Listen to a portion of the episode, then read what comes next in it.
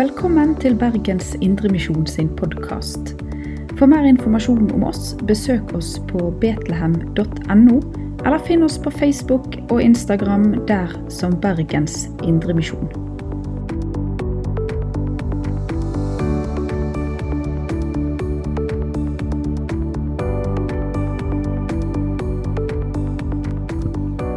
Hallo, hallo, alle sammen. Jeg heter Sverre Olai Knardal, kommer fra Volda, og jeg er UV-leder her i Betlehem. Eh, 23 år, hvis det ikke er sagt allerede, og studerer juss rett opp på høgda her.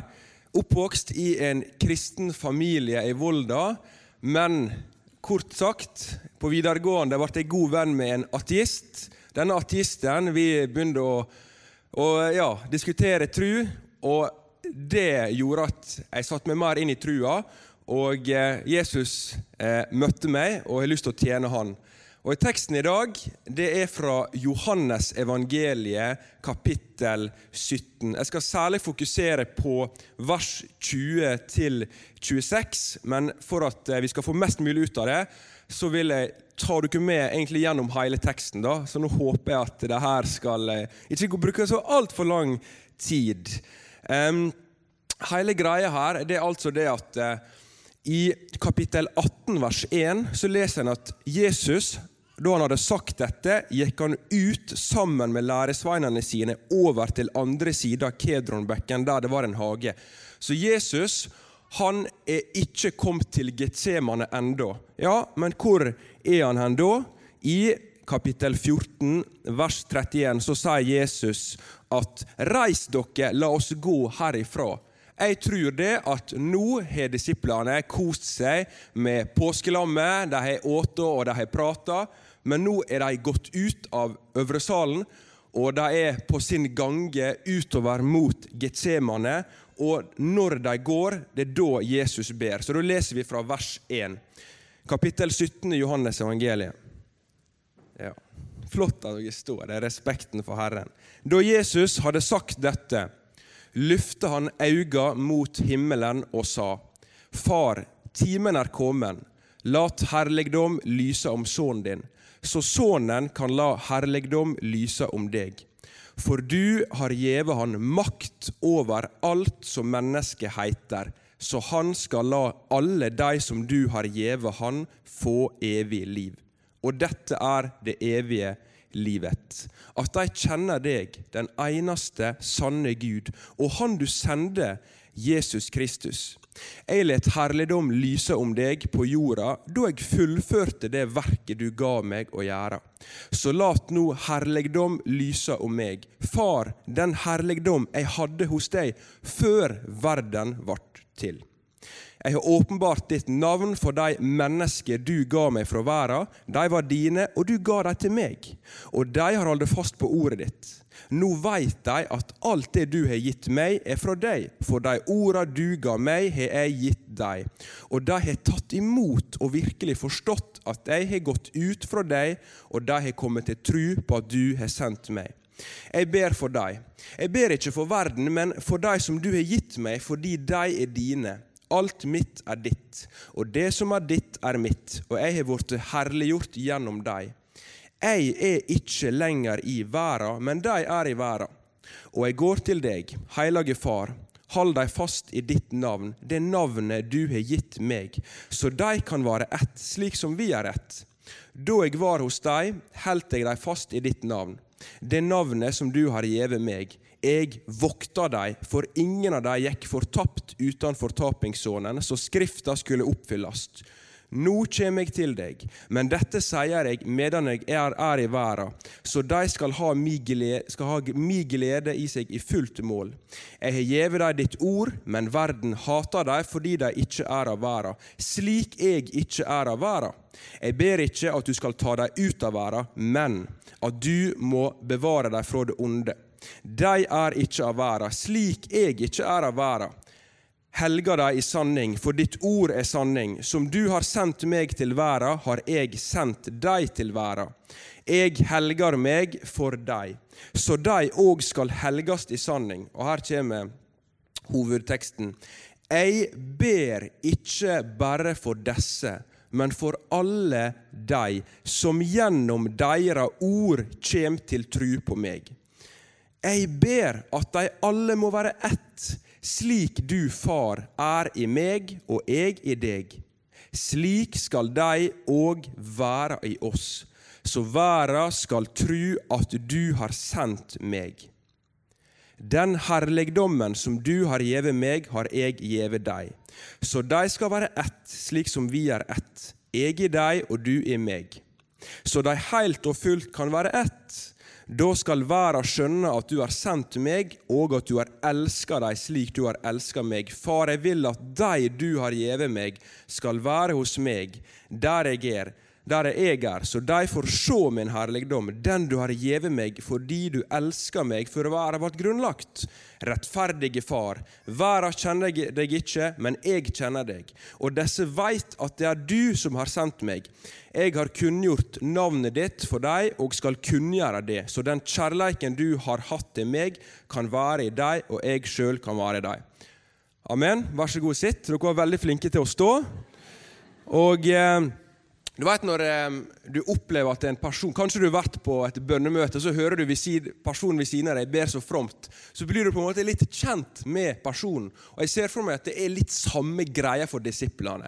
Når elv, Judas har forlatt dem, de elleve går sammen med Jesus, så hører de han ber dette her.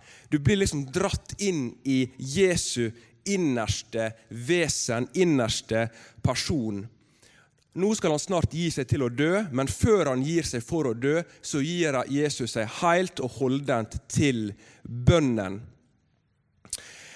Um, Johannes 13,1 sier det var like før påskehøytida, og Jesus visste at timen hans var kommet, da han skulle fare bort fra denne verden og til far sin. Jesus er fullt klar over at han snart skal bli arrestert.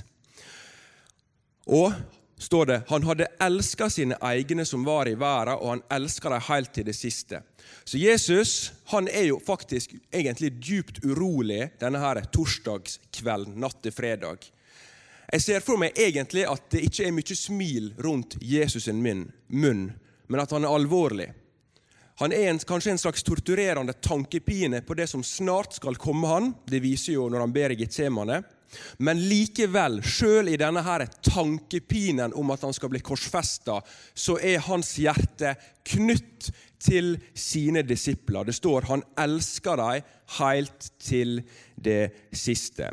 Og Som vi leser her i verset igjen, så står det altså Far, timen er kommet. Gjennom Johannesevangeliet, i kapittel 2 vers 4, i 7 vers 8, i 7.30, 8.20, så står det igjen og igjen timen hans var ikke kommet. Men hva som står her? Her står det 'timen er kommet'.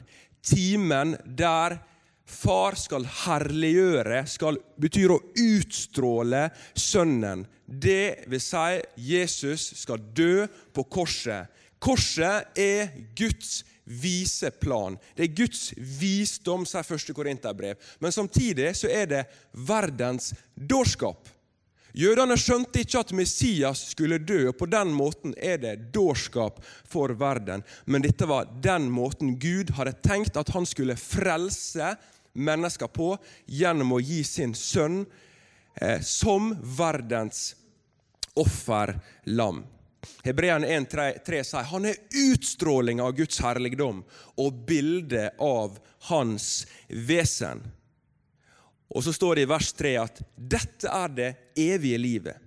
At de kjenner deg, den eneste sanne Gud. Det evige livet er Johannes 10.10 beskrevet som liv og liv av overflod. Det er altså Fokuset i grunnteksten ligger mer på kvaliteten av livet, ikke først og fremst på, på tiden, selv om det også er fantastisk å være en evighet med han. Men det er kvaliteten på livet som er å kjenne Gud og hans apostel, eller den han utsendte, Jesus Kristus. Vers 1-5 så ber Jesus for seg sjøl, og i vers 60-19 så ber han for sine elleve disipler, apostler. Judas hadde forlatt dem, og i vers 20-26 så ber han for de som gjennom apostlene sitt ord skal komme til tru på Han. Og I vers 5 så står det Så lat herligheten lyse om meg, Far, den herligheten jeg hadde hos deg før verden var til. Så Jesus var full på herlighet før verden ble skapt. Jesaja er veldig, profeten Jesaja er veldig tydelig på at Gud, Yahweh, han deler ikke sin ære med noen.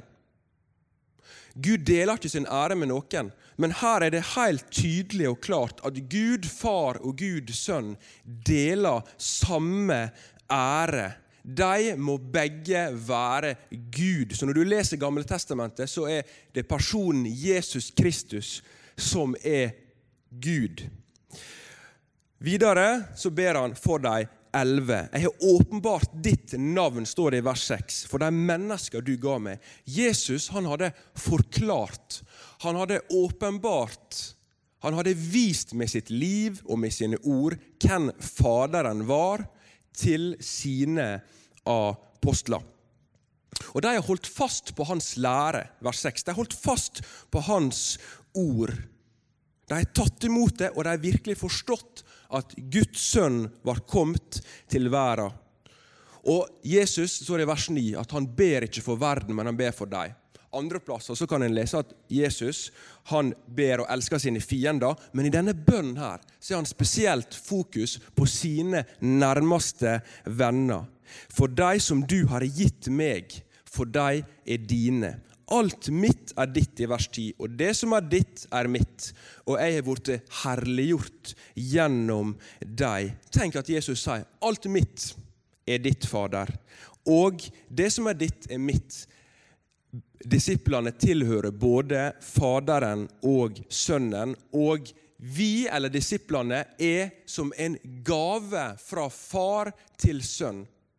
Og Hvis Gud har lyst til å gi en gave til sin sønn, så må det være en temmelig god gave. En stor og fantastisk gave. Og Her står det at vi er gitt av far til sønnen. Vi er en kjærlighetsgave som Gud far ønsker å gi til Guds sønn, hans menighet. En brud som er rensa og uten flekk og lyte. Videre leser vi her at Jesus han vokter, han er vokta sine disipler. Og han er nå på vei tilbake til Faderen. Nå kommer jeg til det i vers 13, men han er gitt ordet. I vers 17 står det han er helliggjort dem i sannhet. Ditt ord er sannhet. Han har forkynt sannhetens ord til dem, og de har holdt på det.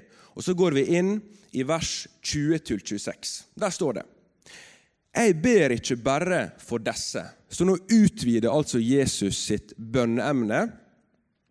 Men jeg ber for alle de som gjennom deres ord kjem til tru på meg.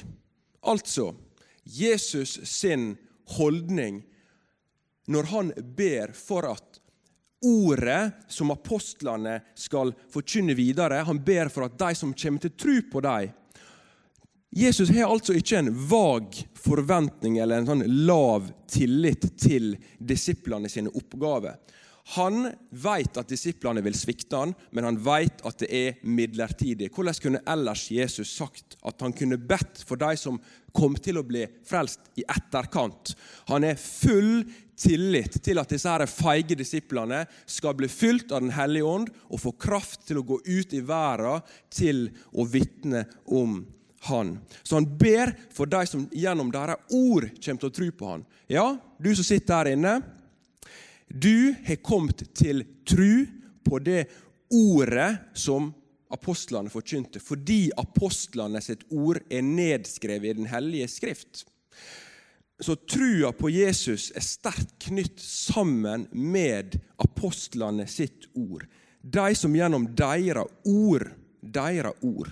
Så går han over i vers 21 til å si Jeg ber at de alle må være ett, slik du, far, er i meg og jeg i deg. Altså så sier han her, Jesus, han ber om at alle vi som er her inne, vi skal være en enhet. På samme måte som Gud Fader og Gud Sønn er en enhet. Fordi i treenigheten sjøl, der er det tre distinkte, forskjellige personer, men det er samme vesen.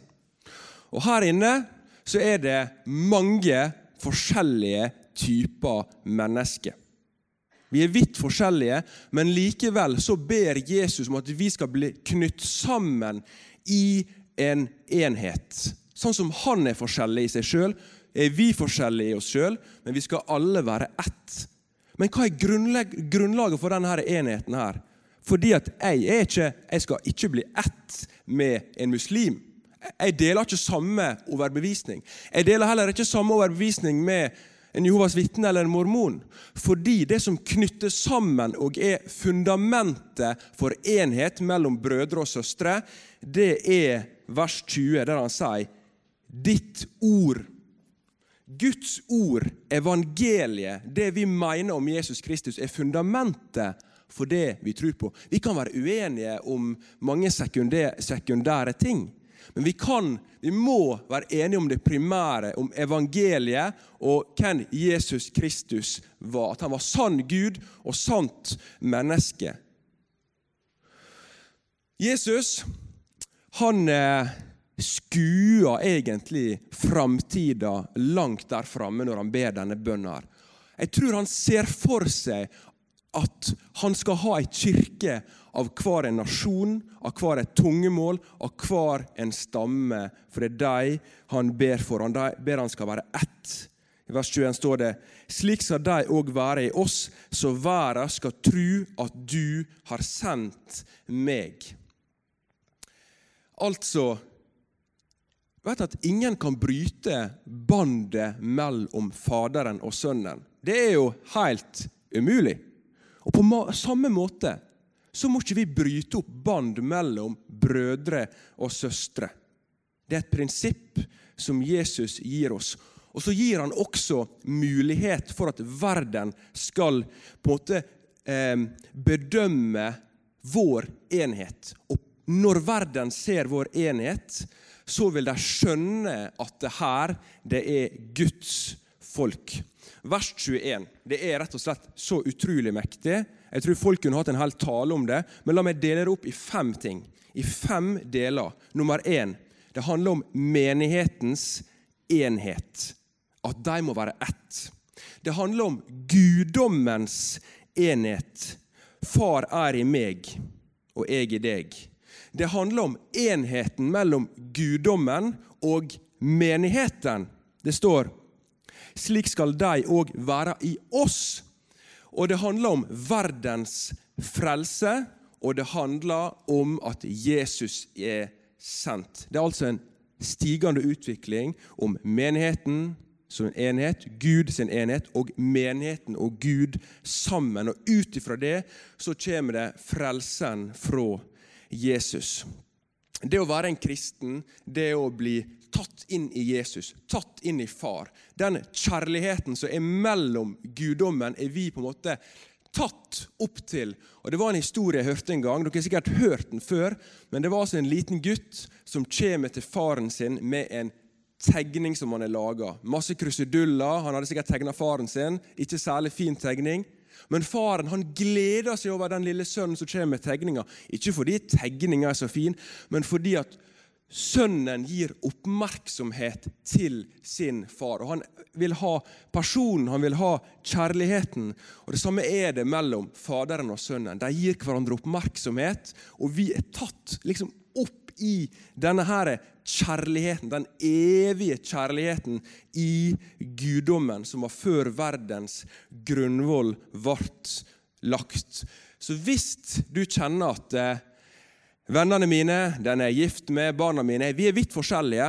Så sier Guds ord helt klart og tydelig selv om dere er forskjellige, så må vi lære oss å elske hverandre. For på den måten så vil verden skjønne at Jesus er utsendt fra Faderen. Vers 22 står det Den herligdommen som du har gitt meg, har jeg gjeve deg. Ja, hva er denne herligheten? Hva betyr herlighet? I kapittel 1 så står det at, han var full av nåde og sannhet. Jesus har fått nåde og sannhet når han levde på denne jorda, her, og så har han gitt den videre til oss. Du er har fått nåde og sannhet. Du var så langt vekke fra Gud. Du gikk deg vill som en sau, så langt vekke, men så har han forbarma seg over deg. Han har tatt deg tilbake, han har kalt det individuelt og personlig, og så har han gitt deg nåde for hele livet du skal leve. Det står på hans verk. Så han har gitt oss herlighet. Halleluja. Han har gitt oss nåde. Og så står det at så de skal være ett, slik som vi er ett. Det blir gjentatt igjen og igjen og igjen. Du som sitter her inne, du skal være i en enhet. Du skal elske de som er her, fordi han er modellen for enhet mellom oss. Videre står det da skal verden skjønne at du har sendt meg. Så bare det at vi elsker hverandre, at vi er sammen og er brødre og søstre, så har det et misjonalt preg i seg sjøl verden vil skjønne. Hvis verden ser at vi krangler og splitter oss, og at vi tenker høyere om oss sjøl enn om alle andre menigheter, hva skal verden tenke oss om da? Nei, Filipperne sier at vi skal tenke høyere om andre enn oss sjøl. Vi skal ha våre interesser i det andre, andre har. Videre står det at du har elska deg. Far har elska deg slik du har elska meg. Det er Utrolig! Faderen elska du som sitter her inne, slik som han elsker Jesus. Det er, det er så sterkt. Det går ikke an å formidle den kjærligheten. Efeserne sier at Kristi kjærlighet overgår all forstand, og vi blir invitert til å kjenne høgda og dybda og bredda og lengda i Guds kjærlighet vers 24. Far, jeg vil at deg du har gitt meg Igjen, du er gitt til Gud, Sønnen fra Faderen. Du er en gave. Skal være hos meg der jeg er. Jesus han skal på vei til himmelen, og Jesus vil at vi skal være sammen med han i himmelen. Og hva er det vi skal gjøre i himmelen? Det vi skal gjøre i himmelen, det er så de får se min herligdom den du har gjeve meg fordi du elsker meg før verden var grunnlagt. Så i himmelen, himmelen blir et, et, et, tap, om du skjønner, hvis du ikke kjenner Jesus. Fordi himmelen handler ikke mest om en plass, men om en person. Det samme med fortapelsen. Det handler ikke mest om plassen, men det er fraværet av personen Jesus Kristus som oppleves som fortapelse, som forferdelig. Og det samme med himmelen. Det blir fantastisk fordi Jesus Kristus er der. Jeg vil til himmelen fordi Jesus er der. For da kan jeg få lov til å skue hans herlighet, hans utstråling, hans glans. Det er han som er den som kan tilfredsstille menneskeheten. Rettferdige far, ber han i vers 25. Rettferdige far. Jesus han skal jo dø. Han skal gjennom lidelse. Og så likevel så påkaller han Gud som rettferdig. Gjør vi det? Når vi veit vi har lidelse i vente, påkaller vi Gud som rettferdig. Romerne 3 sier at på korset så viste Gud sin rettferdighet. Der viser Gud for alvor sin, sitt sinne og sin vrede mot synden. Så Jesus påkaller han med rette rettferdige far. Verden kjenner deg ikke. Ja, det er helt klart at verden ikke kjenner far, for da hadde jo verden ledd på en annen måte. Men jeg kjenner deg, og disse veit at det er du som har sendt meg. Jesus sier i vers 26, han avslutter, jeg har kunngjort navnet ditt for deg og skal kunngjøre det. Så Jesus han er i en business av å fortsette å forklare hvem han er, først og fremst gjennom at Den hellige ånd viser oss hvem Faderen og Sønnen er.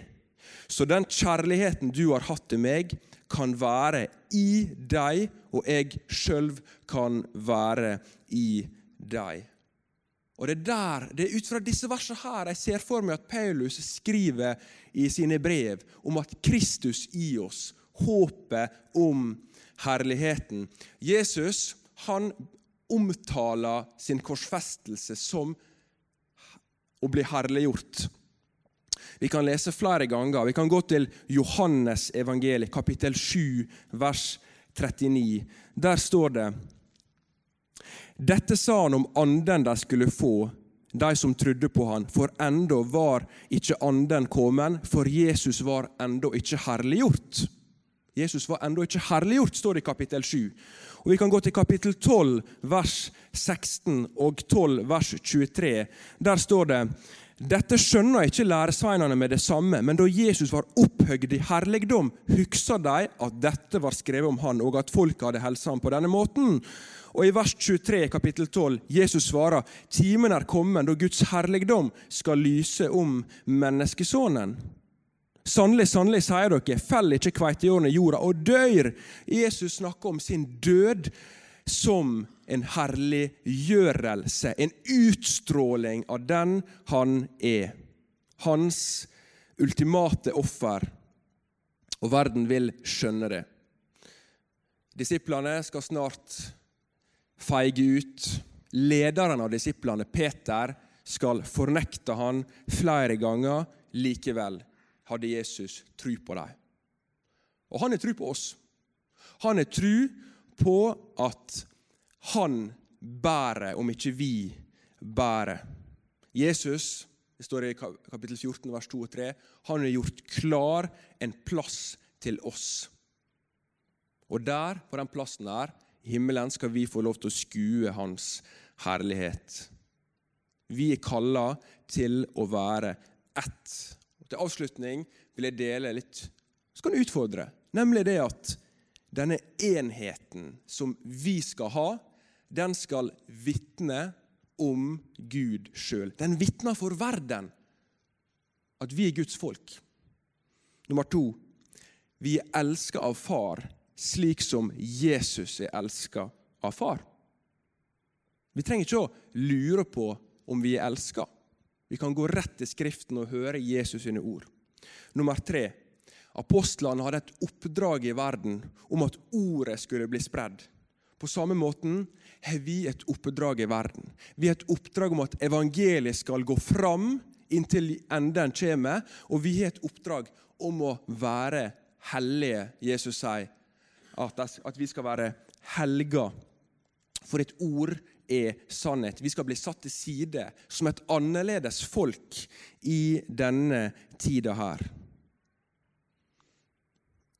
Oppsummert verden trenger å se oss som kristne sin enhet. Verden trenger å se at vi elsker hverandre. Det er en fantastisk bønn, men egentlig det spesielle er ikke innholdet, men det er den som ber. Guds sønn.